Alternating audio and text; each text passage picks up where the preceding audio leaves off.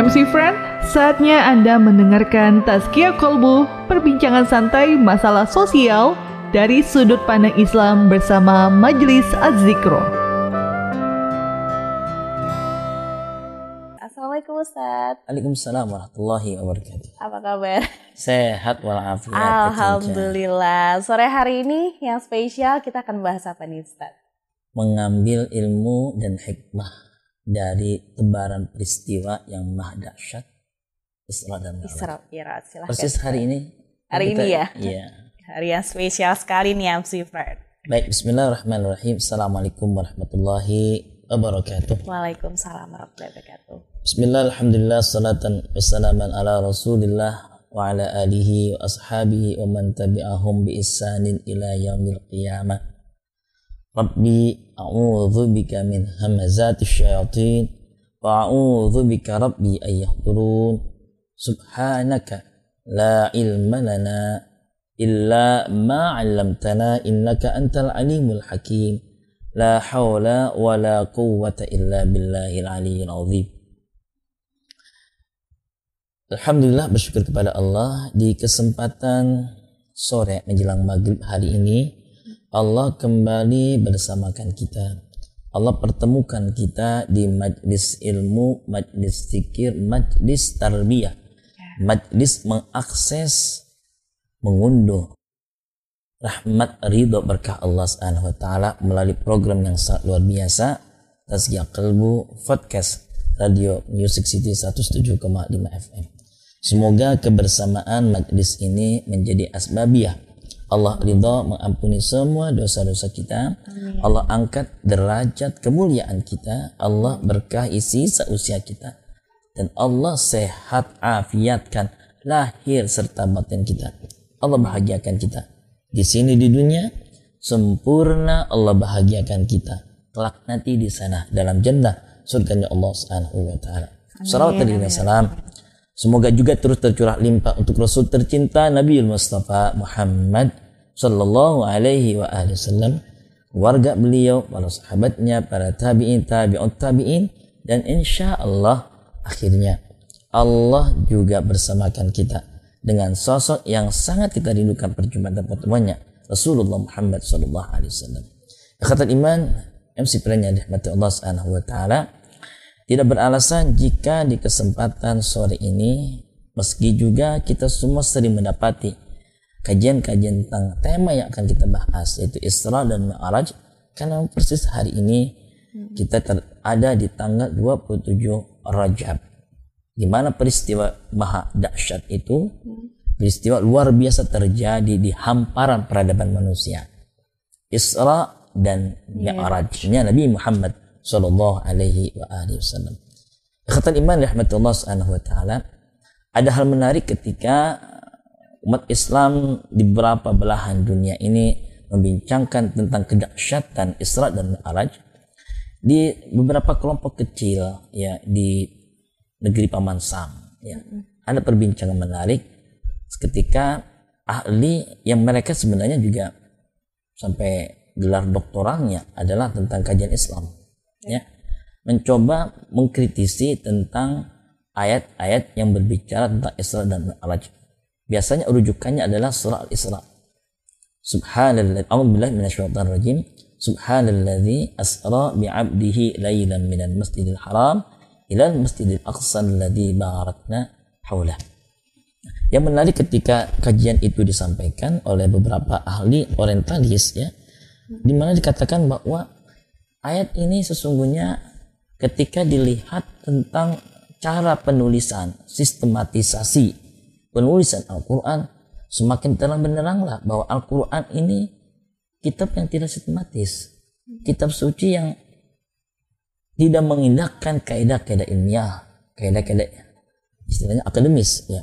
Di mana dalam urutan mereka bahwa yang namanya uh, mengganti judul ke subjudul ya misalkan taruh kita skripsi ya ada bab satu ya Ya. ada masuk mulai pembahasan dengan judul apa gitu ya bab tiga masih ada lanjutan pembahasan tentang apa. Nah masing-masing judul ya atau masing-masing bab itu selalu berurutan. Artinya akan selalu tidak putus pembahasannya. Nah ini dilihat oleh mereka. Surah yang dikatakan ya surah Al-Isra yang disebut di sana bahwa ya peristiwa Isra Mi'raj itu dikutipkan adalah yang dimaksud adalah subhanalladzi asra bi 'abdihi lailan minal masjidil haram ila masjidil aqsa alladzi barakna haula linuriyahu min ayatina innahu was-sami'ul basir. Ya. Coba dong Anda lihat katanya.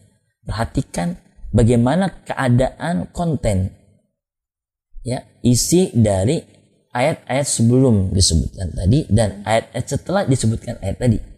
Ya. Surah Al-Isra ayat pertama ya itu ayat keduanya apa kira-kira? Nyambung nggak kira-kira antara ayat pertama dan ayat kedua? Kalau tadi kita terjemahannya Subhanalladzi asra Maha suci Allah Zat yang telah memperjalankan bi'abdihi hambanya ya ay Muhammad sallallahu alaihi wasallam lailan pada satu malam minal masjidil haram ila masjidil aqsa ya dari masjidil haram ke masjidil aqsa ya. Alladzi barakna haula yang tempat itu adalah sangat diberkahi sekelilingnya. Linuriyahu min ayatina ini dimaksudkan untuk diperlihatkan kekuasaan Allah Subhanahu wa taala. Innahu was-sami'ul basir sungguh dia Allah Maha mendengar lagi Maha melihat.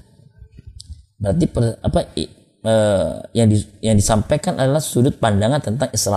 Mi'raj bukan ada di sini. Oh. Jadi penjelasan Mi'rajnya bukan pada ayat ini. Ada di tempat yang lain, surat An-Najm di antaranya.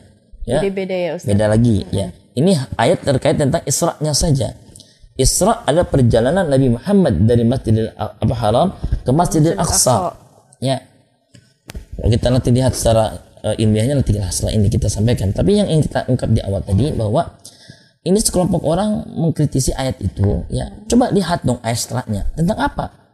Kita lihat di sini. Wa atina Musa kita wa ja'alna hudal li bani Israil alla tattakhidhu min duni wakila dan kami datangkan kepada Musa sebuah kitab. Kok tiba-tiba ke sini? Ya. Waja'alnahu dan kami jadikan kitab itu ya ayat kitab Taurat ya hudan sebagai petunjuk di Bani Israel untuk Bani Israel. Allah tatakhidu min duni wakila ya supaya diambil ya. Nah, berarti putus info kaitan pembahasan konten yang dimaksud Isra dengan ayat yang kedua. Bukan. Coba Anda lihat lagi pada ayat sebelumnya. Ayat sebelumnya adalah berarti akhir dari surah An-Nahl. Karena Al-Isra adalah satu surah, itu surah ke uh, apa namanya? surah ke-17 ya. Itu berarti An-Nahl surah ke-16-nya. Di ayat terakhir tentang apa? Nah, baik kita kutipkan aja dua ayat.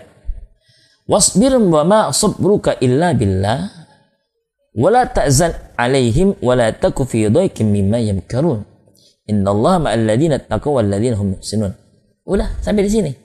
Kita lihat artinya wasbir. Dan bersabarlah wahai engkau Muhammad wa ma sabruka illa billah. Dan tidaklah sabarmu itu kecuali bersama dengan Allah. Wala ta'zan dan janganlah kau bersedih alaihim atas perlakuan mereka ya. Wala taku fi mimma yamkarun dan juga jangan sampai menjadikan sulit berat ya atas apa pun makar-makar mereka. Ya. Innallaha sungguhnya Allah itu ma'alladina taqwa bersama orang-orang yang bertakwa walladina hum muhsinun orang-orang yang senantiasa membangun kebaikan. Ya. Namun enggak kira-kira? Tiba-tiba subhanalladzi. Ya. Ini ending surah An-Nahl ayat 126, 100 eh sorry 127, 128. 28. Masuk kemudian surat Al-Isra. Hmm. Nah, dikritiklah tentang keadaan, keadaan. info terkait dengan masalah Isra dari sisi penulisan. Hikmah nah, satu yang saya sampaikan. Akhirnya benar kata Allah Subhanahu wa taala bahwa semua peristiwa ini Rabbana ma khalaqna hadza batil. Tidak ada yang batil, tidak ada yang sia-sia. Hmm.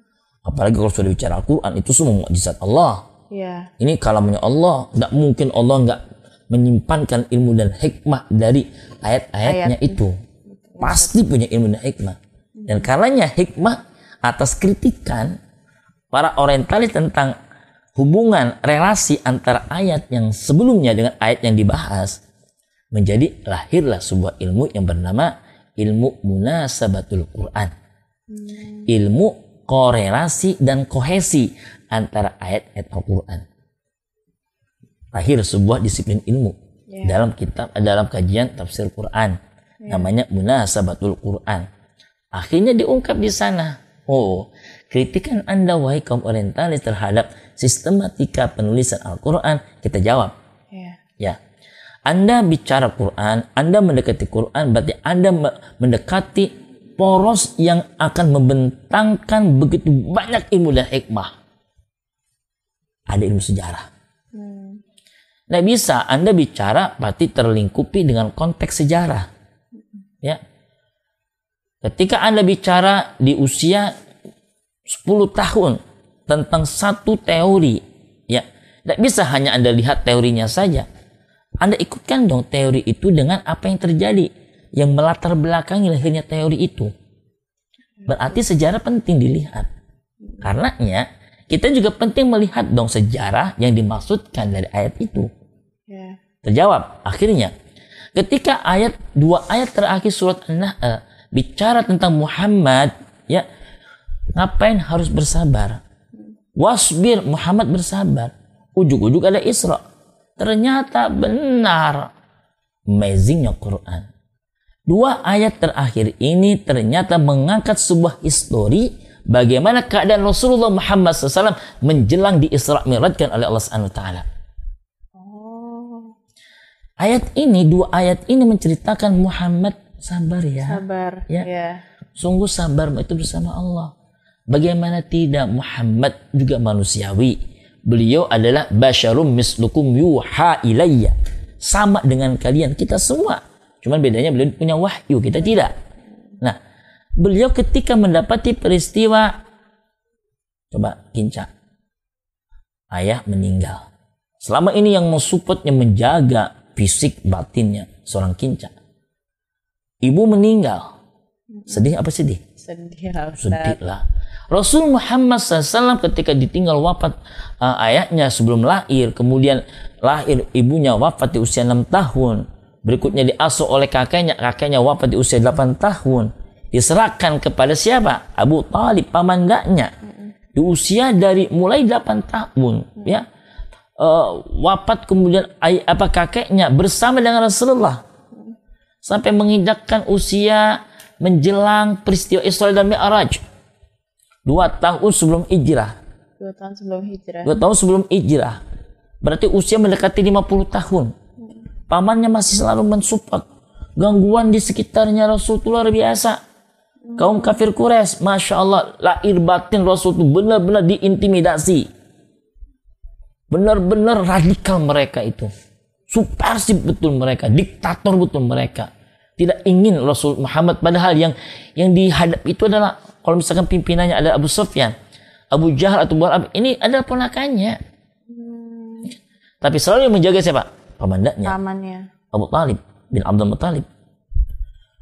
Beliau berdakwah harus ke sini sembunyi-sembunyi, harus terang-terangan. Kadang akhirnya di, bila mendapati peristiwa sedih, beliau ditindih, ya, disiksa dengan batu yang sangat besar di sebuah lapangan terbuka yang sangat panas sedang panas-panasnya ketika itu. Ya, kan butuh materi untuk membebaskan Bilal. Ya, disupport Bilal.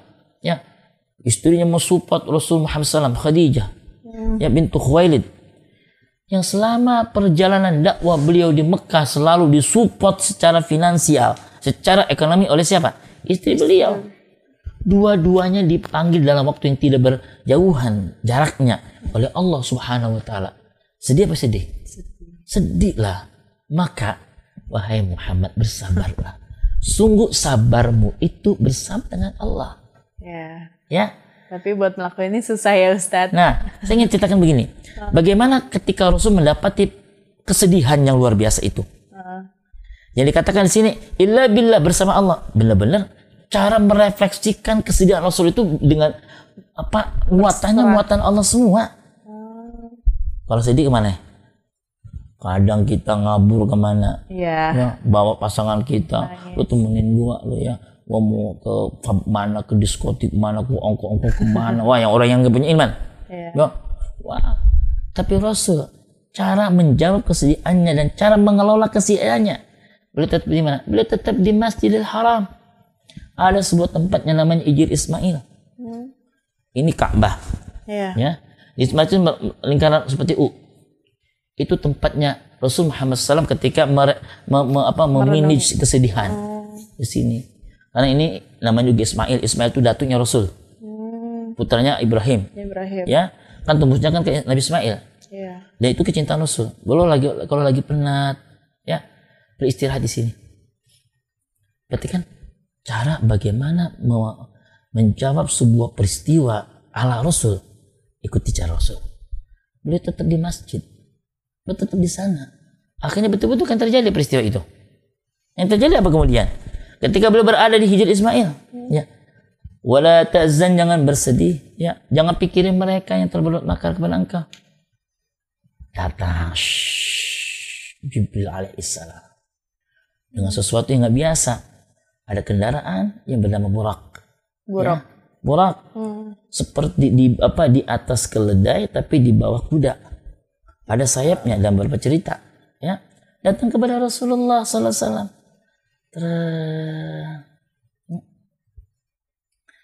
Akhirnya didapati bahwa begitulah cara ya.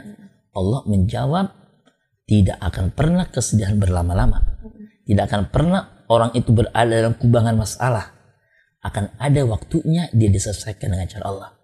Ketika dia mengikutkan cara-cara maunya Allah. Tetap di masjid, tetap adem, tetap damai. Akan ada waktu. Ya. Padahal itu peristiwa sebelumnya, Masya Allah. Ya.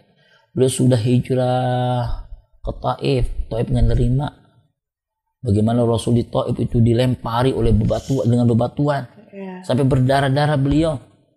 Sampai apa gunung-gunung di sekitaran Taif menawarkan diri kepada Jibril, menawarkan diri kepada Rasul. Kalau Rasul memerintahkan kami akan musnahkan penduduk Taif itu.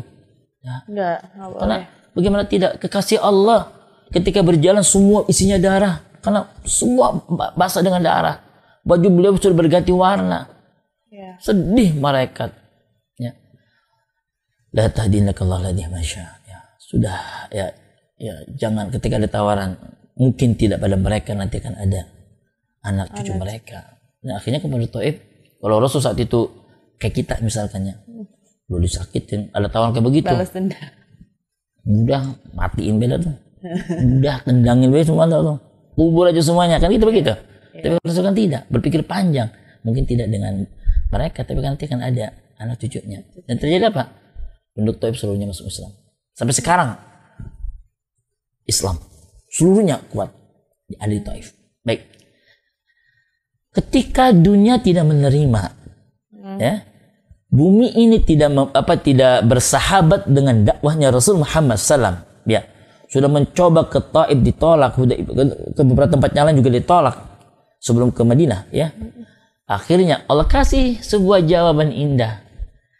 Beliau diperjalankan oleh Allah. Di mana titik centralnya Masjidil Haram kan di tempat dia sedang apa sedang me- merendah kesedihannya Allah turunkan peristiwa itu. Buruk ujuk-ujuk datang. Ya. kemudian menyampaikan ayo kita berangkat. Malam ini setelah sholat isya berangkatlah. Rasul ditemani oleh Jibril dan Burak pertanyaan kita kan Allah mah gampang ya? Kenapa harus ada Jibril harus kenapa harus Iya. ada Burak kan bisa aja Rasul teh Langsung. hilang gitu. Iya, kenapa harus pakai itu? Ini sebab ilmu, ini sebuah hikmah. Tidaklah peristiwa, tidaklah sebuah kejadian pasti mengandung ilmu dan hikmah untuk kita yang kita membacanya. Iya. Oh, ternyata kita perlu ada yang namanya kita sebagai makhluk sosial. Ya. Pelajaran penting bagi kita, Rasul Muhammad SAW harus membutuhkan sosok yang penuh bijak, Abu Bakar. Punya apa perlu juga dalam dakwah itu sosok yang luar biasa kuat ya dengan kekuatan tapi akan berat. Pelajarannya kotoran di depan halaman rumah kita dengan satu lidi yang kita dibekali untuk membersihkan. Selesai. Ya selesai, tapi akan apa? Capek kita. Iya. Butuh waktu banyak, ya. Tapi dengan dikumpulkan itu lidi-lidi menjadi satu pintalan, kita selesai. Cepat. Ringan. Sekali kibas. Begitulah cara Allah mengajarkan. Oh, ada buruk. Ada Jibril alaihissalam. Jadi Dibaca. ada ilmu sama Ada hikmahnya ya ilmu dan Ustaz. hikmahnya kita baca. Dan yang luar biasa. Ternyata juga haruslah kita pahamkan akal kita itu selalu terbatas. Kita itu makhluk yang dibatasi ruang lingkupnya oleh Allah Subhanahu wa taala. Kita bisa melihat, betul. Tapi penglihatan kita terbatas. Saya nggak bisa ngelihat kok apa yang disimpan di apa di, uh, di balik Pikiran pikiran kinca. Nggak bisa. Kita juga nggak tahu ketika ada penghalang di balik tembok ada siapa. Iya. Terbatas. Terbatas. Pendengaran kita, frekuensinya suara orang hanya terbatas sampai berapa radius meter. Iya. Terbatas. Ya, berarti sadarkan oleh kita bahwa kita ini makhluk yang dibatasi ruang lingkupnya oleh Allah SWT. Tapi kalau Allah sudah berkehendak, logika tidak nyambung. Begitulah logika membacanya.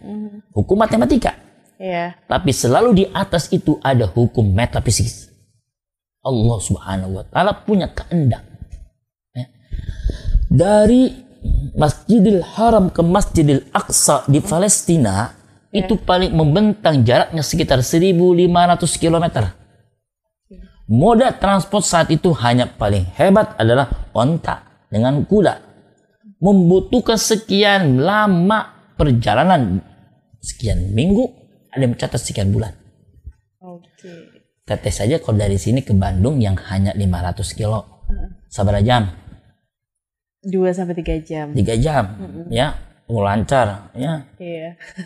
Belum kita sampai ke Cirebon, belum kita sampai ke Jawa. 1500. 1500. Ya. Ini hanya lailan satu malam saja. Jika sebutan malam itu adalah antara perjalanan apa kan tadi mulainya kan startnya kan habis isya Iya. ya dan sebelum subuh Rasul sudah pulang lagi sudah ada lagi tempat itu Hmm, Oke. Ustadz kita cut dulu sebentar ya. Nah MC Frank jangan ke mana-mana, stay tune terus di MC Podcast. Ya, sebalik lagi di MC Podcast bersama Ustadz Muslih Aziz.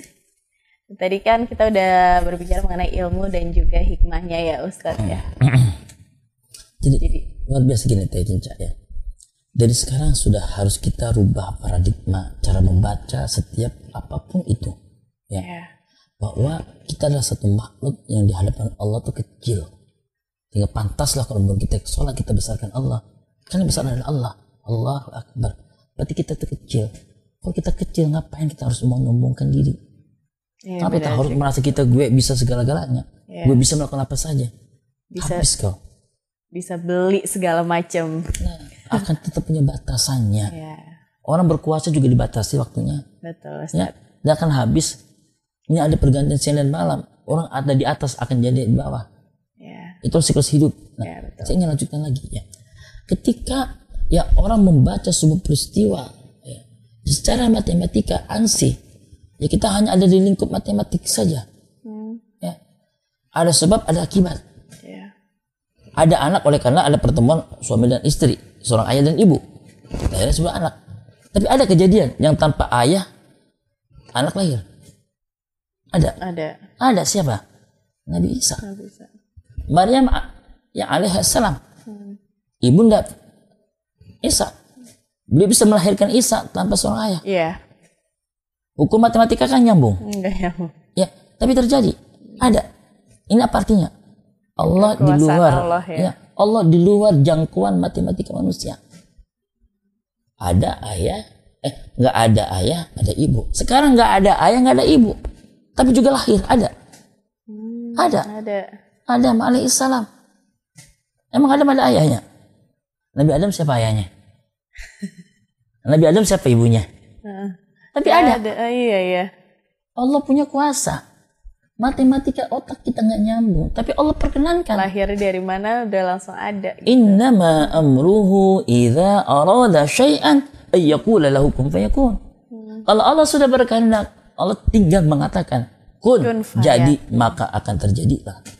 Baik, hitungan waktu itu kan hitungan dunia. Yes. ya kita ada hukum kecepatan fisika ya dalam kecepatan cahaya itu sepersekian ribu kilometer.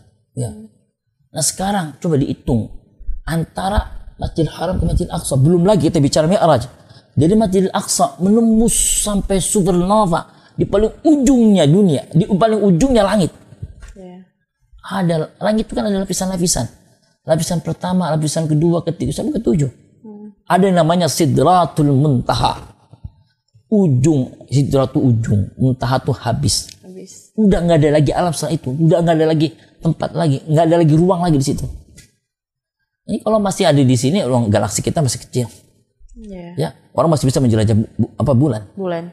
Di planet kita, di planet tertinggi Pluto. Itu masih tetap dijangkau, masih bisa. Entah berapa berapa kilo, berapa juta kilo. Ke atas. Ya. Iya. Tapi itu masih masih ada langit pertama. Itu masih langit pertama, belum nanti langit kedua. Terus terusnya.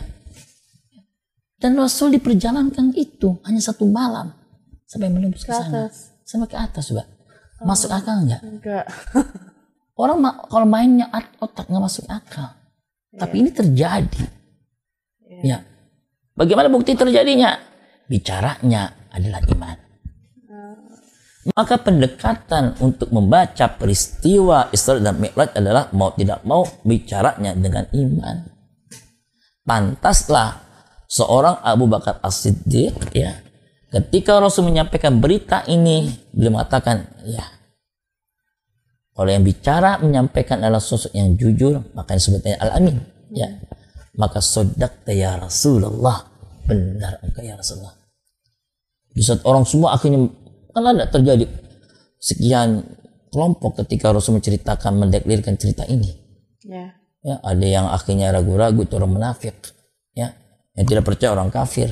Ya ada juga yang percaya 100% orang Islam di antara Abu Bakar maka atas deklirnya seorang Abu Bakar mengatakan itu Rasul menyematkan julukan kepada beliau Abu Bakar As-Siddiq Siddiq jujur yang membenarkan risalah tauhidnya Rasul Muhammad SAW. Nah sekarang kita berada di posisi mana? Nah, kita ingin baca bagaimana risalah ini sebagaimana Abu Bakar Siddiq benarkah? Rasul benar-benar telah melewati perjalanan Isra dan Mi'raj tersebut. Nah, baik.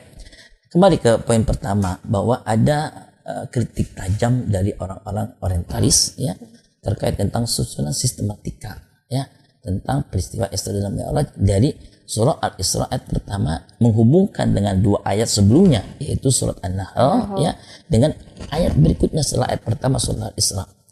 Sekarang eh, pada posisi ayat berik- berikutnya surah Isra ya, wa atina Musa kitab. Kenapa ujuk-ujuk? Apa ujuk-ujuk tuh? Kenapa buru-buru? Kenapa kemudian ada ya? Oh. Wa atina Musa kitab. Kok pembicaraan tentang Musa? Iya. Ngomongin Isra pembicaraan Musa. Ya. Ternyata lagi-lagi sejarah yang mengambil peran. Dalam peristiwa Isra dan Mi'raj siapa yang mengambil peran? Musa alaihissalam. Dari mana? Dibaca risalah sunnah-sunnahnya Rasul, hadis-hadisnya Rasulullah Muhammad SAW. Ya. Ya, beliau bertemu di langit pertama dengan Nabi siapa? Kedua, di langit ke-6 beliau apa di langit ke-6 beliau bertemu dengan Nabi Musa alaihissalam. Ya, Hmm. apa yang kau dapatkan? Apa kau telah? Mereka semua di semua tingkatan langit itu menyambut tentang Rasulullah Muhammad SAW. Karena sebelum Rasul dihempaskan menuju Sidratul Muntaha, beliau kan mengimami dulu di Masjidil Haram, eh di Masjid Al-Aqsa. Itu kumpul semua para nabi. Itulah deklir dia sebagai Sayyidul Anbiya wal Mursalin. Pemimpinnya nabi dan rasul. Karena dihadirkan bagi Allah mudah menghadirkan nabi-nabi terdahulu. Baik itu nabi yang wajib diketahui ada 25 dari mulai Adam, Idris, Hud dan terusnya. Tapi ada nabi-nabi yang tidak diketahui. Ya, kumpul di masjid itu. Rasul datang ketika turun dari Burak. Mereka adalah para nabi dan rasul. Ahlan wa marhaban. Wahai selamat datang pemimpinnya para nabi dan rasul. Oh, jadi menunggu ya Ustaz. Mereka menunggu. Ya, oke. Rasul datang. Ini pentasbihan bahwa beliau adalah sebagai pemimpinnya para nabi dan rasul. Nah, di sebuah batu istilah boleh menjadi satu batu bersejarah. Ya, seperti tidak ke bawah. Dia pengen ke atas tapi nggak boleh ke atas. Akhirnya dia ngambang. Batu sampai sekarang ngambang kan? Tidak ke, di, di, Tidak- nempel di bumi. ya, tidak ya, dia ngambang. Ya. Itulah sejarah tentang batu tersebut. Ada di daerah apa di Masjid Al-Aqsa. Naik. Nah, persis di langit ke, di langit ke-6 ya Rasul Muhammad SAW pulang dari bertemu dengan Allah Azza wa Jalla ditanya ada apa dapat apa dari ketemu Allah katanya oh iya wahai Musa kalimullah wahai yang berbicara dengan Allah katanya saya mendapatkan perintah untuk umat saya untuk melaksanakan sholat 100 rakaat apa 100 kali. Nggak mungkin. bukan 100 rakaat ya Iya, 100, kali. 100 kali. possible. Nggak mungkin nggak mungkin. Balik lagi minta diskon. Apa lagi? Alhamdulillah dapat 50 50. ah masih masih balik balik balik. Manusia nggak bakal mungkin. Ya, nggak mungkin. Kebayang nggak teh kalau sana 10 kali? 10 kali deh. Nggak mungkin. tadi aja baru sholat. Ya antar bentar lagi sholat tidak belum maghrib teh. Ya isya. Cuma kalau dikasih bener-bener 10 saja. Sehari semalam. Kapan waktu buat gue ongko-ongko dong? Bentar-bentar gue harus wudhu. Bentar gue harus nah, lihat. Rasul malu. Akhirnya dapat lima kan? Atas das atas jasa siapa Musa alaihissalam. Maka dihadirkan dalam potret bersejarah Isra dan Mi'raj di mana ayatnya terkumpul. Makanya diam. Para orientalis membaca risalah ini. Inilah mukjizat Al-Quran. Ini kita belum bicara tentang isi kandungan mukjizatnya. Ya. Yang orang-orang ilmiah sudah mem- apa sudah mendesain. Ah, logik kok sebenarnya peristiwa Isra dan Mi'raj itu. Ya. Kekuatan fisika itu ketika dia membawa zat-zat fisika dalam konteks ragawi dia akan terhubungkan dalam konteks eh, cahaya ya. Karena Jibril itulah makhluk cahaya ya. Ketika dia berelamasi berem ya elamasi ketika eh, melebur dalam proses cahaya maka dengan sendirinya dia akan sebagaimana cahaya seteng, sudah nyampe ke sana. Jadi Rasul pun ketika dia ber, apa, berdampingan dengan sosok cahaya super cahaya itu Jibril alaihissalam dan buruk namanya buruk buruk itu kilat. Iya. jika kilat aja langsung gitu bagaimana buruk. Secepat mudah kilat. ya. Nanti kan konsep fisika akan menjelaskan. Ada kemungkinan terjadi. Bisa saja terjadi. Mulai kekuatan yang maha dahsyat. Yang hanya punya kekuatan yang super saja yang bisa mendesain itu. Dan kita yakini. Siapa itu? Allah, Allah Subhanahu wa taala. Subhanahu wa ta'ala. dan bisa terjadi dengan itu. Ya. Baik, catatan hikmah buat saya yang kalau kita bincangkan masalah ini semakin menarik adalah ternyata Allah Subhanahu wa taala senantiasa mengapresiasi apa pun yang dilakukan oleh hambanya. Ini catatan penting. Buat saya dalam konteks sekarang yang paling bisa kita ambil ya manfaat dari mengenang peristiwa Isra Mi'raj adalah Allah Subhanahu wa taala tuh maha adil. Ya. Orang nggak mungkin dilamain berada dalam kubangan kesedihan. Ya. Sesedih-sedihnya kita ditinggal oleh seseorang, kita akan punya hiburan. Pasti. Eh, datang persis di tempat gua lagi sedih nih, hilang kesedihannya. Mau kamu merajut cinta bersama aku? Cie, gue lupain mantan gua. Nah, nah tapi bagi Allah gampang kan? Ya, banyak kejutan-kejutan yang pastinya Allah akan siapkan kepada sesiapapun kita ya asal kita punya cara mengelolanya cara yang baik Ya. maka saya tuntaskan dulu bacaan Quran tadi surah uh, An-Nahl ayat terakhir itu ya wala ta'zan jangan bersedih jangan sekali kita bersedih makanya juga dalam Islam tidak diperbolehkan loh ketika kita mendapati warga kita wafat orang terdekat kita wafat yang kita cintai wafat nggak boleh shikaya sampai merang-merang aku sembuh ah lebay gitu. Ya. Sampai nyabuk nyabuk rambut sampai mukul mukulin merasa sedihnya. Termasuk peristiwa eh, ya seperti ini kan terjadi pada pengaruh Syiah ya. Ketika mendengar peristiwa Karbala ya eh, sahabat ataupun cucu Rasul Hussein ya bin Ali bin Abi Thalib itu di dipenggal ya mereka meratapi. Oh, sampai mau menyakiti diri sendiri. Itu haram nggak boleh dalam ajaran kita alus sunnah wal jamaah nggak boleh ya. Nah makanya ditegaskan oleh oleh apa oleh oleh Nabi kita eh, oleh Al-Quran bahwa wala ta'zan jangan bersedih. Wala taku dan juga jangan merasa berat dengan omongan mereka. Udah maaf karena lagi rame masalah anjing. Ya, itu lagi rame anjing banget. menggonggong. Udah kapilah berlalu. Ya. Biar yang menggonggong sejenisnya lah. Iya, memang Jadi- lagi viral banget itu, Ustaz. soalkan masalah adzan ya. Jadi eh, kita sudah natap ke depan. Sejarah boleh dilihat tapi jangan terus-terusan. Saya ingin lihat apa yang terjadi di belakang adalah sejarah oke? Kita lagi nyetir ya. Berarti lintasan di belakang adalah sejarah kita kan? Iya. sejarah lintasan mobil. Kalau kita ngelihat cinta lintasan sejarah mobil kita apa yang terjadi? Bisa nabrak. nabrak kan? Nabrak. maka boleh kita dikasih spion kan? Maka Iya. penting kita ngasih sejarah. Buat mengingat ya. ingat eh, ada ini ada kan kita jadi waspada. Ya, dengan kita ada spion waspada.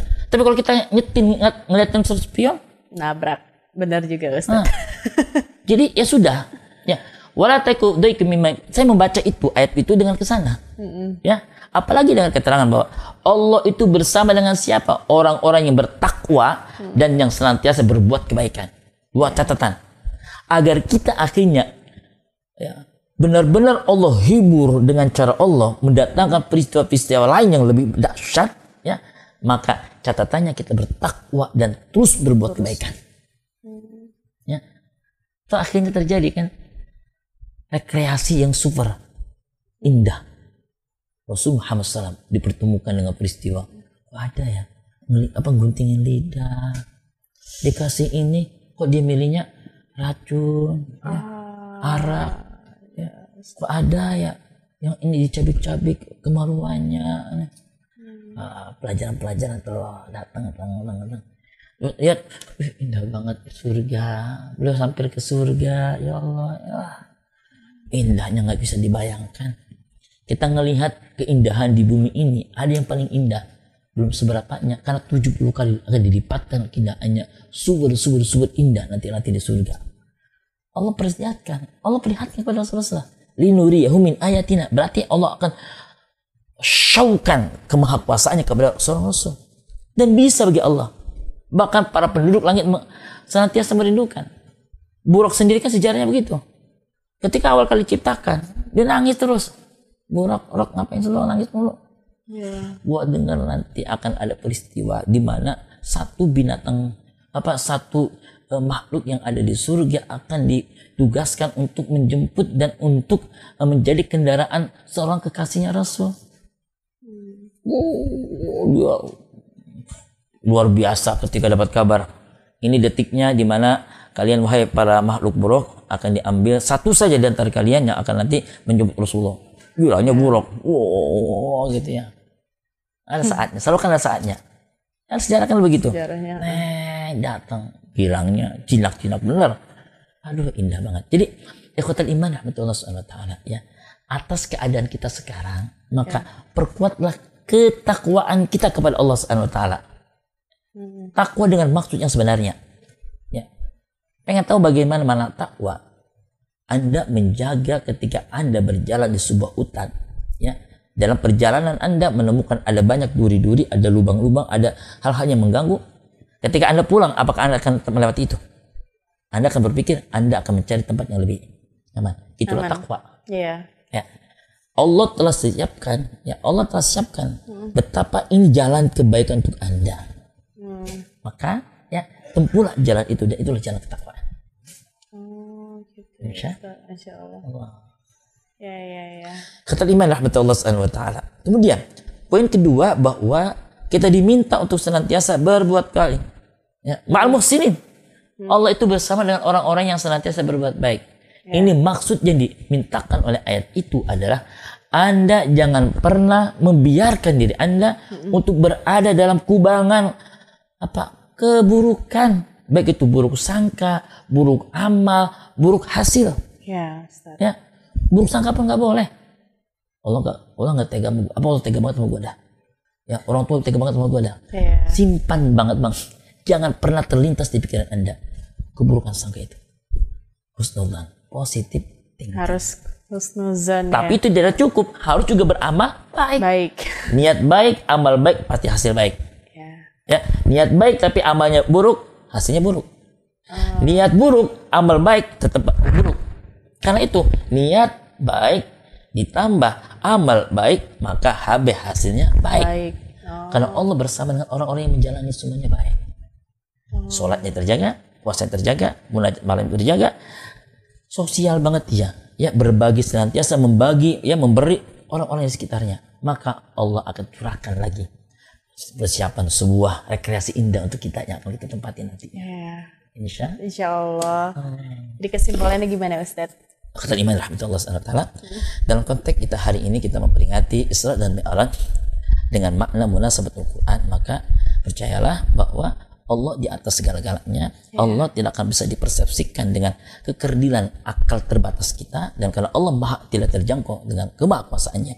Karena itu teruslah kita membangun ketaatan yang sempurna dengan cara-cara yang telah dipertunjukkan yang telah diajarkan oleh guru-guru kita yang mulia. Dengan Al-Quran dan Sunnah yang menjadi pegangan kita, insya Allah apa pun peristiwanya, apa pun kejadiannya, apa pun takdirnya, Allah pasti akan hantarkan takdir kebaikan untuk kita semua.